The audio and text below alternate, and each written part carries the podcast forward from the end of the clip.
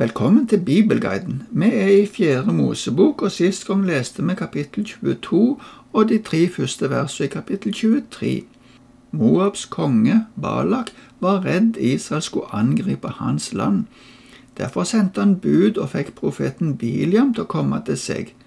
Biliam var en berømt profet fra Mesopotamia, som riktignok ikke var Guds profet, men som tydeligvis hadde rykte på seg at det han sa, det skjedde. Etter litt om og men kom Biliak til Balak.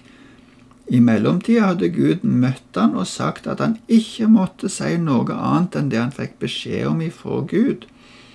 Sist gang leste vi at Biliam kom fram til Balak og etter velkomsten så gikk de opp på et fjell der Biliam kunne se litt av Israels leir. Der bygde de sju alter og ofra en okse og en vær på hvert alter.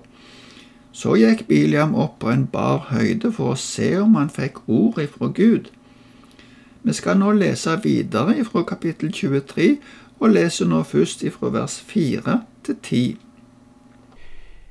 Gud kom Biliam i møte, og Biliam sa til ham, Jeg har gjort i stand de sju altrene, og på hvert alter har jeg ofret en okse og en vær. Da la Herren ord i munnen på Biliam og sa, Gå tilbake til Balak og si det jeg har sagt deg. Biliam gikk tilbake og fikk se Balak stå borte ved brennofrene sine sammen med alle Moabs høvdinger. Da bar han fram sin visdomstale. Fra Aram ble jeg hentet av Balak, fra fjellene i øst av Moabs konge. Kom, forbann Jakob for meg, kom, kall vrede ned over Israel.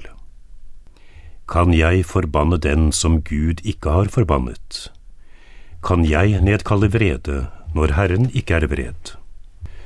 Fra toppen av klippene ser jeg ham, fra høydene skuer jeg ham.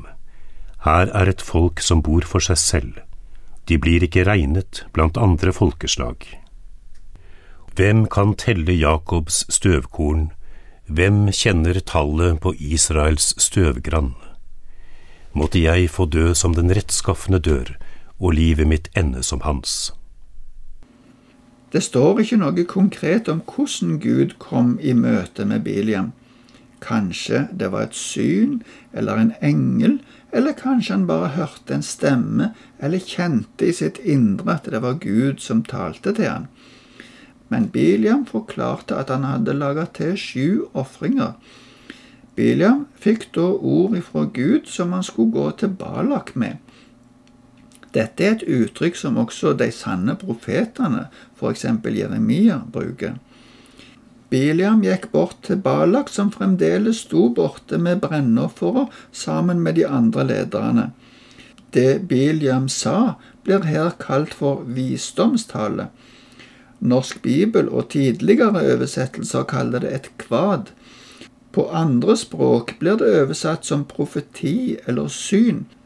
Det han sa, bar i alle fall preg av at det var annerledes enn normal dagligtale mellom mennesker. Det samme uttrykket kommer sju ganger i dette og neste kapittel. Biliam kommer med andre ord med sju profetier. I den første profetien, som er den som vi har lest, ser vi at Biliam først kommenterer sitt oppdrag, at han skulle forbanne Israel, det viser seg at det var umulig å forbanne et folk som er under Herrens velsignelse. Israel er annerledes enn andre folkeslag, sier Biliam. Selv om han hadde sett folket på avstand, så han at det er et folk som både er annerledes og stort. Han uttrykker et ønske om å få dø som de rettskafne, som han ser eksempel på i Israel. Men det skjedde ikke for han. Seinere skal vi se at han ble et eksempel på utroskap imot Gud. I fortsettelsen ser vi hvordan Balak reagerte på ordene ifra Biliam.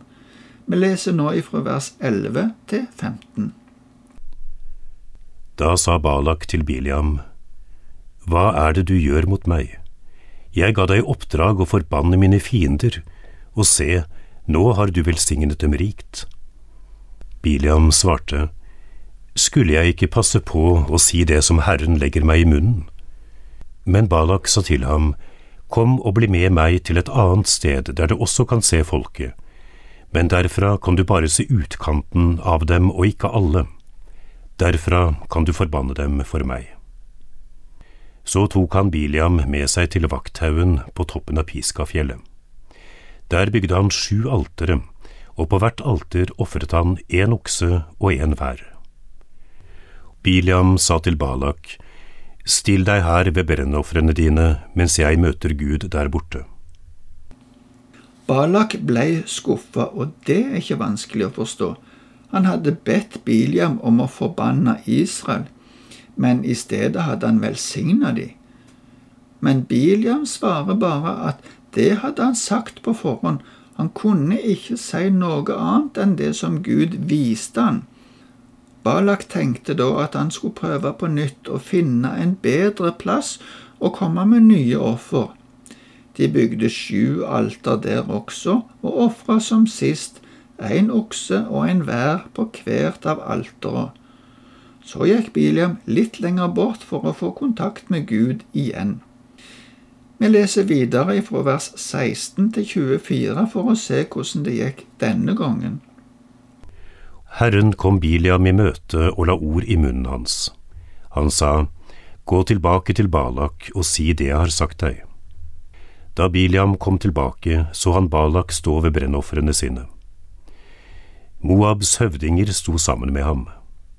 Balak spurte ham, Hva sa Herren? Da bar han fram sin visdomstale. Reis deg, Balak, og hør. Vend øret til, du sønn av Sippor. Gud er ikke et menneske så han lyver, et menneskebarn så han skifter sinn. Gjør han ikke det han sier, holder han ikke det han lover. Jeg fikk i oppdrag å velsigne. Velsigner han, kan ikke jeg gjøre det om. Det er ingen ondskap i sikte for Jakob ingen ulykke å se for Israel. Herren deres Gud er med dem, med jubelrop hylles kongen hos dem. Gud som førte dem ut av Egypt, har styrke som en villokse. For det er ingen som tar varsler i Jakob. Det finnes ingen spådom i Israel. I rette tid blir det sagt til Jakob og Israel hva Gud har gjort. Se, folket reiser seg som en løvinne, som en løve farer det opp. Det legger seg ikke til ro før det har mettet seg med rov og drukket blodet av de drepte. Sammenhengen kan tyde på at Biliam egentlig prøvde å tilfredsstille Balak, men Gud møtte han og sa at han fremdeles bare skulle si det Gud ga han å si. Så gikk Biliam tilbake til Balak som spurte hva Gud hadde sagt denne gangen. Så kom Biliam med en ny visdomstale eller profeti. Han begynner med å si at Balak må høre nøye etter hva han har å si. Balak vil egentlig ikke høre det Gud har å si. Derfor understrekes det også at Gud ikke vil si noe som er løgn, og dermed kan heller ikke Biliam hvis han skal formidle Guds ord, si noe annet enn det som er sannheten. Gud lyger ikke, og han gjør det han sier, og han holder det han lover. Gud hadde gitt Biliam oppdrag å velsigne Israel, og da kan han ikke gjøre noe annet enn å velsigne. Det var ingen trolldom eller spådom som Biliam kunne bruke for å gjøre om Herrens velsignelse. Det er et moment vi godt kan ta med oss i dag og i vår situasjon. Vi har en mektig Gud, og ingenting kan hindre Gud. Gud hadde oppretta sin pakt med Israel. I denne pakten var et sentralt element soning for syndene. Det var et forbilde på den nye pakt, som vi har fått del i ved trua på Jesus. Der er det tilgivelse for alle synder, til alle tider for de som tror. Biliam sier at det er ingen ondskap eller urett i Jakob, og ingen ulykke i sikte for Israel. Vi kan minne om det som Paulus skriver i Romerbrevet kapittel 8 vers 33. Hvem kan anklage dem Gud har utvalgt? Gud er den som frikjenner. I denne profetien ifra Biliam ser vi et tydelig eksempel på det.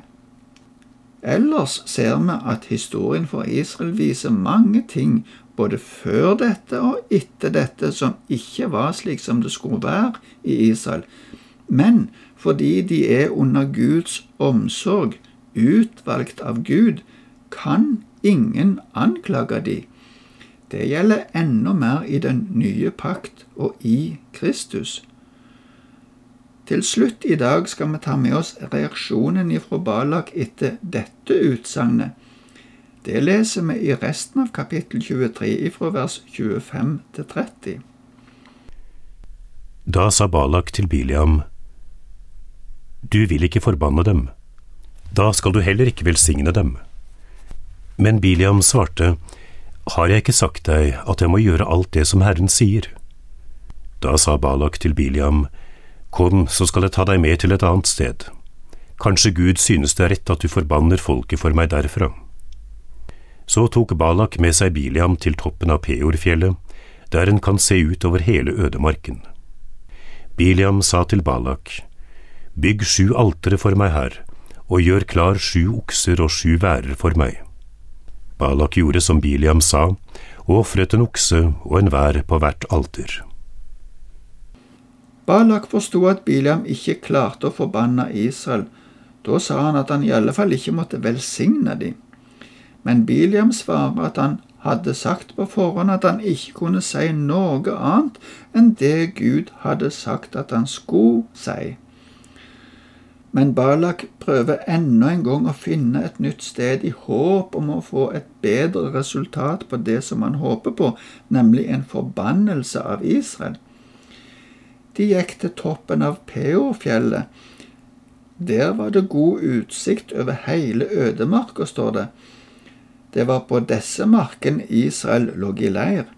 De utførte de samme ritualene igjen, med sju alter der de ofra én okse og en vær på hvert av alteret. Resultatet på dette forsøket kommer i neste kapittel, og det må vente til neste gang. For nå er tida gått for i dag. Herren være med deg.